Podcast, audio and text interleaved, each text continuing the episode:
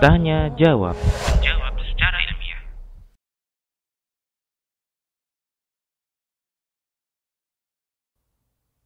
Kadangkala kita sebagai seorang guru hanya sebatas mengajarkan ilmu tapi kita belum dikatakan sebagai pendidik. Ya, kita hanya mampu menyampaikan poin-poin daripada ilmu tadi, tapi kita tidak menjadi seorang yang disebut dengan pendidik. Beda ya. Ya, dalam dunia pendidikan eh, antara seorang yang disebut dengan guru ya sekedar menyampaikan maklumat, ilmu dan sebagainya artinya masuk ke dalam kelas kemudian menyampaikan poin demi poin dan sebagainya beda dengan seorang yang disebut dengan pendidik. Makanya di sini seorang yang terjun ke dunia pendidikan harus memahami tentunya apa yang seharusnya dia lakukan. Dan tentunya syariat kita, syariat Islam dengan sejarah Nabi kita yang mulia sallallahu alaihi wasallam yang beliau merupakan pendidik terdepan ya pendidik terbaik dari sejarah-sejarah beliau kita bisa tahu bagaimana sikap beliau dengan orang yang mungkin tidak paham dengan sikap para sahabat yang melakukan kesalahan semuanya adalah motivasi yang dilakukan oleh beliau ya makanya kita sebagai seorang pendidik yang terjun di dunia pendidikan harus menyadari bahwa ya semua yang kita lakukan ini adalah amanah yang ada pertanggungjawaban. Apa pun yang kita lakukan ada perhitungan. Begini seharusnya yang diperhatikan oleh seorang pendidik dalam Islam. Ya. Kita bukan hanya ingin menyampaikan maklumat ilmu-ilmu kepada anak kita. Artinya bukan hanya sekedar uh, ingin mengejar angka-angka tertentu sebagaimana yang kita maklumi dalam dunia pendidikan saat ini.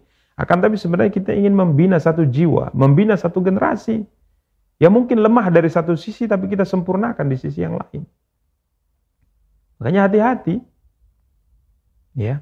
Tatkala seorang anak didik kita mungkin tidak paham pelajaran atau susah memahami pelajaran, kemudian terucap mungkin ucapan-ucapan yang merendahkan, yang membuat dia malu, yang membuat mungkin jiwanya menjadi jiwa yang lemah. Sehingga akhirnya dia berpikir ya kalau memang sepertinya aku akan seperti ini saja sehingga semangatnya itu hilang. Yang kita lakukan adalah bagaimana memompa semangat mereka. Karena tidak mungkin seorang itu diciptakan oleh Allah Subhanahu wa taala di atas muka bumi tidak memiliki kelebihan apa pun. Tidak mungkin. Bahkan kita tahu dari anak-anak didik kita yang kadangkala bintangnya kelas bahasa kita. Di saat mereka besar, kita melihat manfaat yang diberikan oleh orang yang kita anggap murid di kelas itu tidak ada apa-apanya, kita lihat di tengah masyarakat, murid ini lebih memberikan manfaat yang sangat luar biasa dibandingkan dengan murid kita mungkin yang paling kita anggap paling pintar di kelas itu saat itu. Ini banyak kita dapat. Ya, kita masuk ke kelas, yang kita perhatikan mungkin dari 30 orang, mungkin kita perhatikan 10 karena mereka adalah orang yang cepat pahamnya, cepat hafalnya, ya. Akan tapi setelah mereka besar, setelah mereka terjun ke masyarakat, murid-murid yang kita tidak anggap memberikan manfaat jauh lebih banyak daripada mereka-mereka ini. Maka yang ada adalah memberi motivasi. Bukan malah menyudutkan. Begitu juga mungkin dunia pendidikan dalam rumah tangga kita, apalagi yang saat ini kita sedang berhadapan langsung dengan para pendidik-pendidik terbaik untuk umat Islam, yakni para ibu-ibu. Memang kita katakan berhutang budi kita dengan para wanita, ya, dengan para ummahat. Karena mereka dituntut untuk bisa menguasai banyak hal. Termasuk adalah dalam dunia pendidikan. Ya. Karena memang jika seandainya pendidikan di rumah tangga itu baik, maka generasi itu baik. Ya.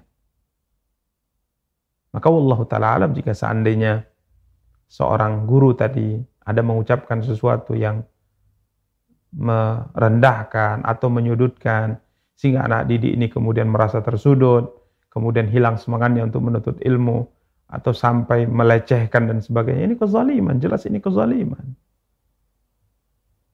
Ya. Makanya hati-hati dalam berkata. Hati-hati dalam berucap. Satu hari Umar bin Khattab radhiyallahu taala menemui Abu Bakar kala itu Abu Bakar sedang memegang-megang lidahnya. Sedang memegang-megang lidahnya. Apa kata Umar? Mah ya Abu Bakar. Ada apa ini wahai Abu Bakar? Kenapa kau melakukan hal seperti ini? Mempermainkan lidah. Seperti anak-anak. Tentunya jorok, kotor ini. Kenapa kau melakukan ini? Qala hadza awradanil mahalik kata Abu Bakar. Ya Umar, sebab lidahku inilah aku binasa. Ya benar, kadang-kala kita berkata di hadapan anak-anak didik kita, setelahnya mungkin kita tidak berpikir apa pun. Tapi apakah kita menyadari bahwa ucapan itu membekas di dalam hatinya sampai ia meninggal? Motivasi. Dalam dunia pendidikan motivasi. Al-Imam Zahabi rahimahullah. Al-Imam Zahabi rahimahullah. Suatu hari katanya gurunya masih umur TK atau SD. Dulu mereka belajar di Kutab. Kutab itu saat ini mungkin SD ya bahasanya. Tatkala kami murid-muridnya menyerahkan tulisan-tulisan kami dari tugas yang diberikan oleh guru kami kepada beliau. Kala itu guru kami sedang dikunjungi oleh teman karibnya. Teman karibnya itu duduk di samping sang guru. Ya. Teman karib sang guru memperhatikan satu persatu catatan anak-anak. Sang guru menilai ya, menilai, kemudian berikan, menilai, berikan, menilaikan, berikan. Maka tatkala masuk tulisan atau buku Al-Imam Zahabi rahimahullah, buku tulis Imam Zahabi rahimahullah itu masih kecil. Disodorkan kepada sang guru. Maka tatkala sang guru mulai memeriksa apa kata teman guru yang kala itu bertamu. Dia berikan motivasi sangat luar biasa yang merubah perjalanan hidup Imam Zahabi rahimahullah. Dia mengatakan, khattuka hadha yushbihu khattal muhaddithin. Apa kata teman karib sang guru mengomentari tulisan Imam Zahabi? Nak, tulisanmu ini mirip sekali dengan tulisan-tulisan para ulama pakar hadis. Coba lihat, motivasi. Tulisanmu ini mirip dengan tulisan-tulisan para pakar ilmu hadis. Apa kata Imam Dhabi? Semenjak ucapan itu muncul dari teman guruku, muncul di hatiku kecintaan kepada ilmu hadis. Aku pun bertekad untuk menjadi seorang ahli hadis. Dan alhamdulillah Allah mudahkan langkah beliau sampai akhirnya di masanya dan sampai saat ini siapa yang tidak kenal dengan kedalaman ilmu hadis yang dimiliki oleh Imam Dhabi rahimahullah guru. Memberi motivasi, bukan merendahkan. Bukan malah mengatakan, ah kalau kamu. Sampai kapan pun kayaknya kalau kamu orangnya nggak akan. Akhirnya tertanam di dalam jiwanya bahwa dia adalah orang yang tidak akan mampu, tidak akan bisa. Siapa yang menyebabkan dia tidak memiliki semangat untuk berbenah? Kalau bukan kita sebagai seorang guru. Maka hati-hati dengan ucapan. Ini kita berbicara bukan hanya mungkin dalam dunia lembaga pendidikan, akan tapi dunia pendidikan secara luas termasuk dalam rumah tangga kita, termasuk di anak-anak kita.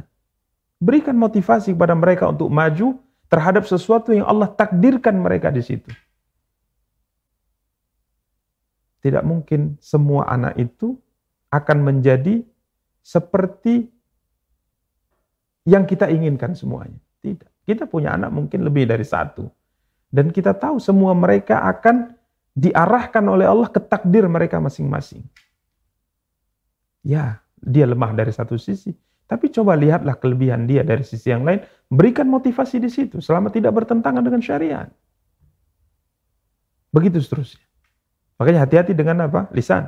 Kalau seandainya kita sebagai seorang guru, seorang pendidik, mengucapkan sesuatu yang membuat anak kita tersudut, anak didik kita tersudut, kemudian menyebabkan hilangnya semangat dia dalam berbenah, maju dan sebagainya, semua itu ada pertanggungjawaban di hadapan Allah Subhanahu wa taala. Ya, maka berilah motivasi kepada anak didik.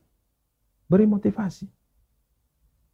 Ya, bukan menyudutkan, bukan menyalahkan. Bahkan kemarin kita nukilkan bagaimana Al-Imam Syafi'i rahimahullah, Al-Imam Syafi'i rahimahullah.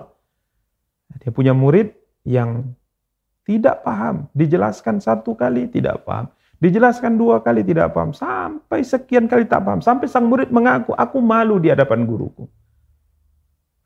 Aku malu karena aku tidak bisa paham. Diulang-ulang penjelasan, diulang-ulang penjelasan, aku tidak paham. Apakah kemudian Imam Syafi'i mengatakan, pergilah engkau, enyalah engkau. Bodoh kali kamu. Kenapa nggak paham-paham? Apakah seperti, seperti itu dilakukan Imam Syafi'i? Tidak. Imam Syafi'i mengatakan, ya fulan, jika seandainya engkau memahami ini setelah 60 kali pengulangan, aku akan lakukan itu sehingga engkau bisa paham. Nah, begitulah pendidik kesabarannya, ketekunannya, niat baiknya, akhirnya muncullah generasi-generasi yang menjadi orang-orang yang sangat luar biasa di kemudian hari. Beri motivasi, ya bukan malah menyudutkan. Ya kalau seandainya kesalahan dalam lisan ini kita lakukan, ya tentunya ada pertanggungjawaban tatkala kita bertemu dengan Allah Subhanahu Wa Taala. Lalu eh, bagaimana setelah kita menyadari kalau kita sudah salah dan sebagainya, maka perbaiki ya perbaiki, bertobat kepada Allah Subhanahu wa taala. Ya, kemudian mungkin tatkala anak tadi kita tahu siapa dia, panggillah dan mintalah maaf dan kemudian kita beri motivasi kepadanya agar dia bisa berbenah di kemudian hari wallahu taala ala wa alam.